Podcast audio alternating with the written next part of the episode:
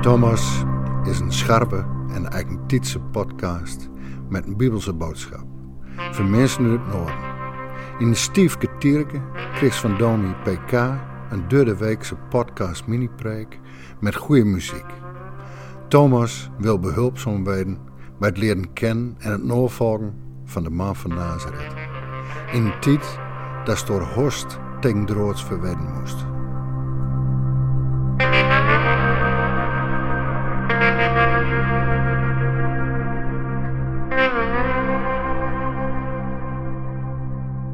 Ervaar jij sinds de coronapandemie ook meer rust en eenvoud in je leven?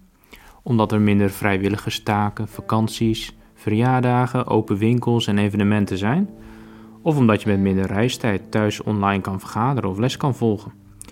Veel mensen herontdekken in deze periode de waarde van een eenvoudig, overzichtelijk en simpel leven.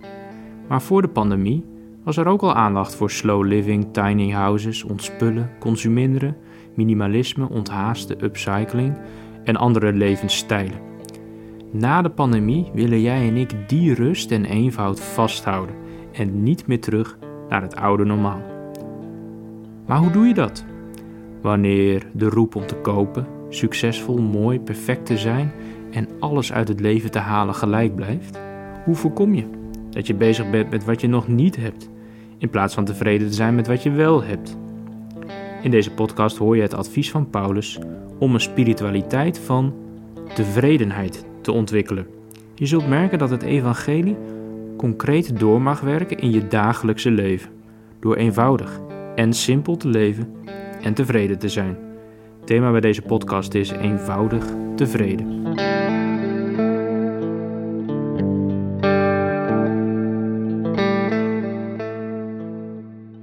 waar wat oors leert als wie en hem net hoort onder zonen worden van uw Heer Jezus Christus en om wat het echte jou in us leert, die is grutsk, al neert. Maar hij had een ziekelijke nocht aan uitpluzerij en striderage. En er komt augunst, ruzie, laster en achterdocht uit fjot. En krauwerijen zonder ein. Voor meisken die net goed mij de holle binnen en de wierhiet kwietrekken binnen. Ze menen dat het leeuwen een ding is om yield mij te vertjeien. Zeker, het leeuwen jouwt grutte winst, want men is dan tevreden met wat men had. Want wie had niks om toen we op de wereld kwam. En we kennen, als we eruit kennen, er ik niks mee uit mij nemen. Maar als we eten en kleren ha, moet dus dat genoeg wezen.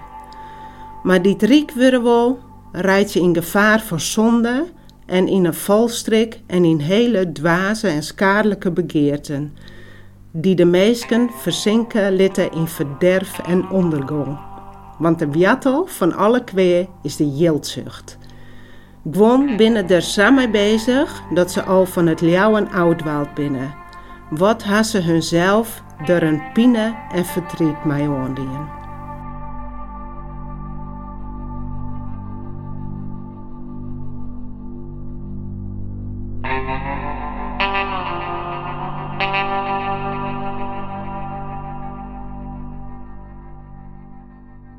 In de brief die Paulus aan zijn medewerker Timotheus schrijft, staan opvallend veel praktische instructies. En dat heeft alles te maken met zijn motivatie om deze brief te schrijven. Paulus en Timotheus hebben elkaar ontmoet in Lystra, toen Paulus daar langskwam op een van zijn zendingsreizen. Timotheus heeft zich toen bekeerd en later zijn ze samen op pad gegaan. In Efeze liet Paulus hem achter, om tijdelijk leiding te geven aan de gemeente daar. Een strategische werkwijze waardoor hij zelf verder kon reizen en evangeliseren. Maar de terugkeer van Paulus laat langer op zich wachten dan gepland. De jonge Timotheus moet leiding geven aan een gemeente vol tegenstanders. En dat in een stad vol luxe, betovering van afgoden, een indrukwekkende tempel voor Artemis, sportverdwazing en hebzucht. Nu snap je misschien ook waarom Paulus hem schrijft en adviseert. Timotheus kan ook wel wat backup gebruiken in zijn strijd tegen die onruststokers. Paulus verdenkt hen van oplichting omdat ze goed geld willen verdienen aan het evangelie. En je zou verwachten dat hij, als bewust zelfvoorzienende prediker deze zelfverrijking verschrikkelijk vindt. Maar let op wat Paulus zegt. Hij geeft ze gelijk. Inderdaad, het geloof kan winstgevend zijn, maar alleen gecombineerd met tevredenheid. En Paulus onderstreept dit met een bekend spreekwoord voor die tijd. Wij hebben niets in deze wereld meegebracht en kunnen er ook niets uit meenemen. Het geloof is zeker winstgevend, maar alleen voor wie tevreden is met voedsel, onderdak en kleding. Dat is eenvoudig tevreden.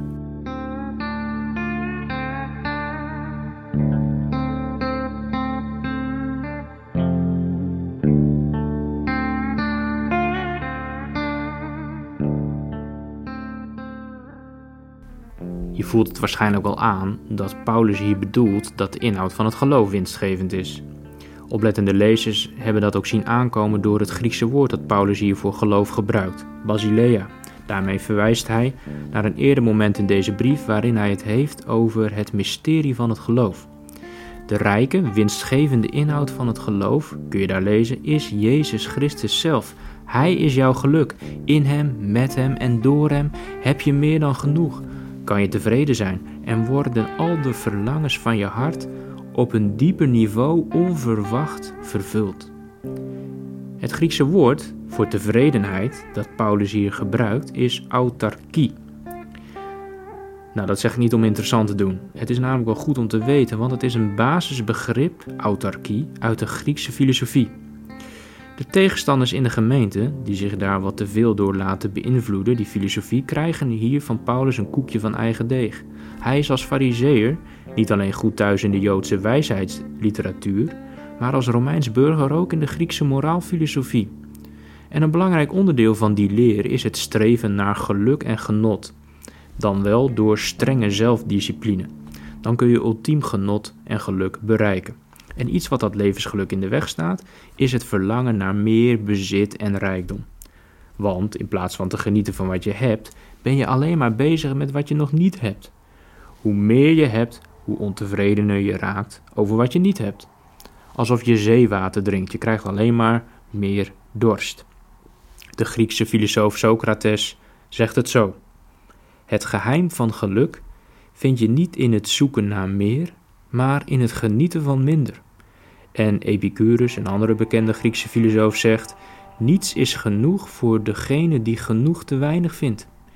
Die filosofen, die in Efeze heel erg bekend waren, en hun leer, die wisten heel goed dat niet-basale verlangens, zoals overvloed, luxe, rijkdom en succes, je alleen maar onrustig en ontevreden maken. Het is de zelfdiscipline die je moet helpen genieten van de kleine dingen van het leven. De basale verlangens, zoals vriendschap, liefde, kleding, voedsel, veiligheid, vrijheid en gezondheid. Dan ben je, volgens de Griekse school, eenvoudig tevreden.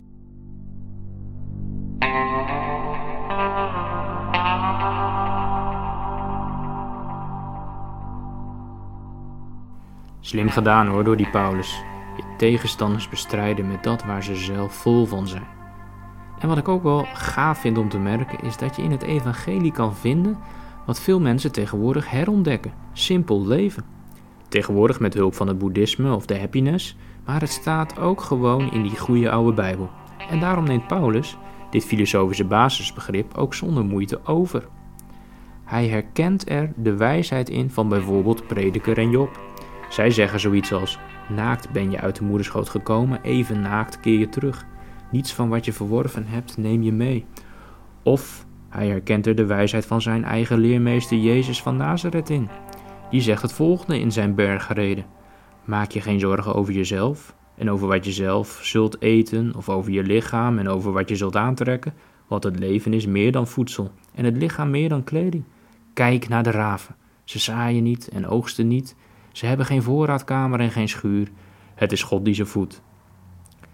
Toch zit er wel een verschil tussen de tevredenheid waar Paulus voor staat en die van de Griekse filosofen en moderne varianten. De tevredenheid die Paulus omschrijft, heeft Christus als centrum en niet de zoektocht naar geluk. Het is ook niet iets wat je met strenge zelfdiscipline voor elkaar moet krijgen, want het is in het geloof, die deugd van tevredenheid, vooral een gave van God. Paulus schrijft in de brief aan de Filippenzen het volgende: Ik heb alles aan den lijve ondervonden, overvloed en honger, rijkdom en gebrek. En let op wat hij dan zegt: Ik ben tegen alles bestand door Hem die mij kracht geeft. Alleen God kan door zijn geest een spiritualiteit van eenvoud en tevredenheid aan jou geven. Als je er biddend om wil vragen. En daardoor is christelijke tevredenheid ook een verantwoordelijkheid richting God, je naaste en de schepping. Paulus keurt rijkdom en genieten van bezit nergens af, maar het is je toevertrouwd om mee te bouwen aan Gods koninkrijk.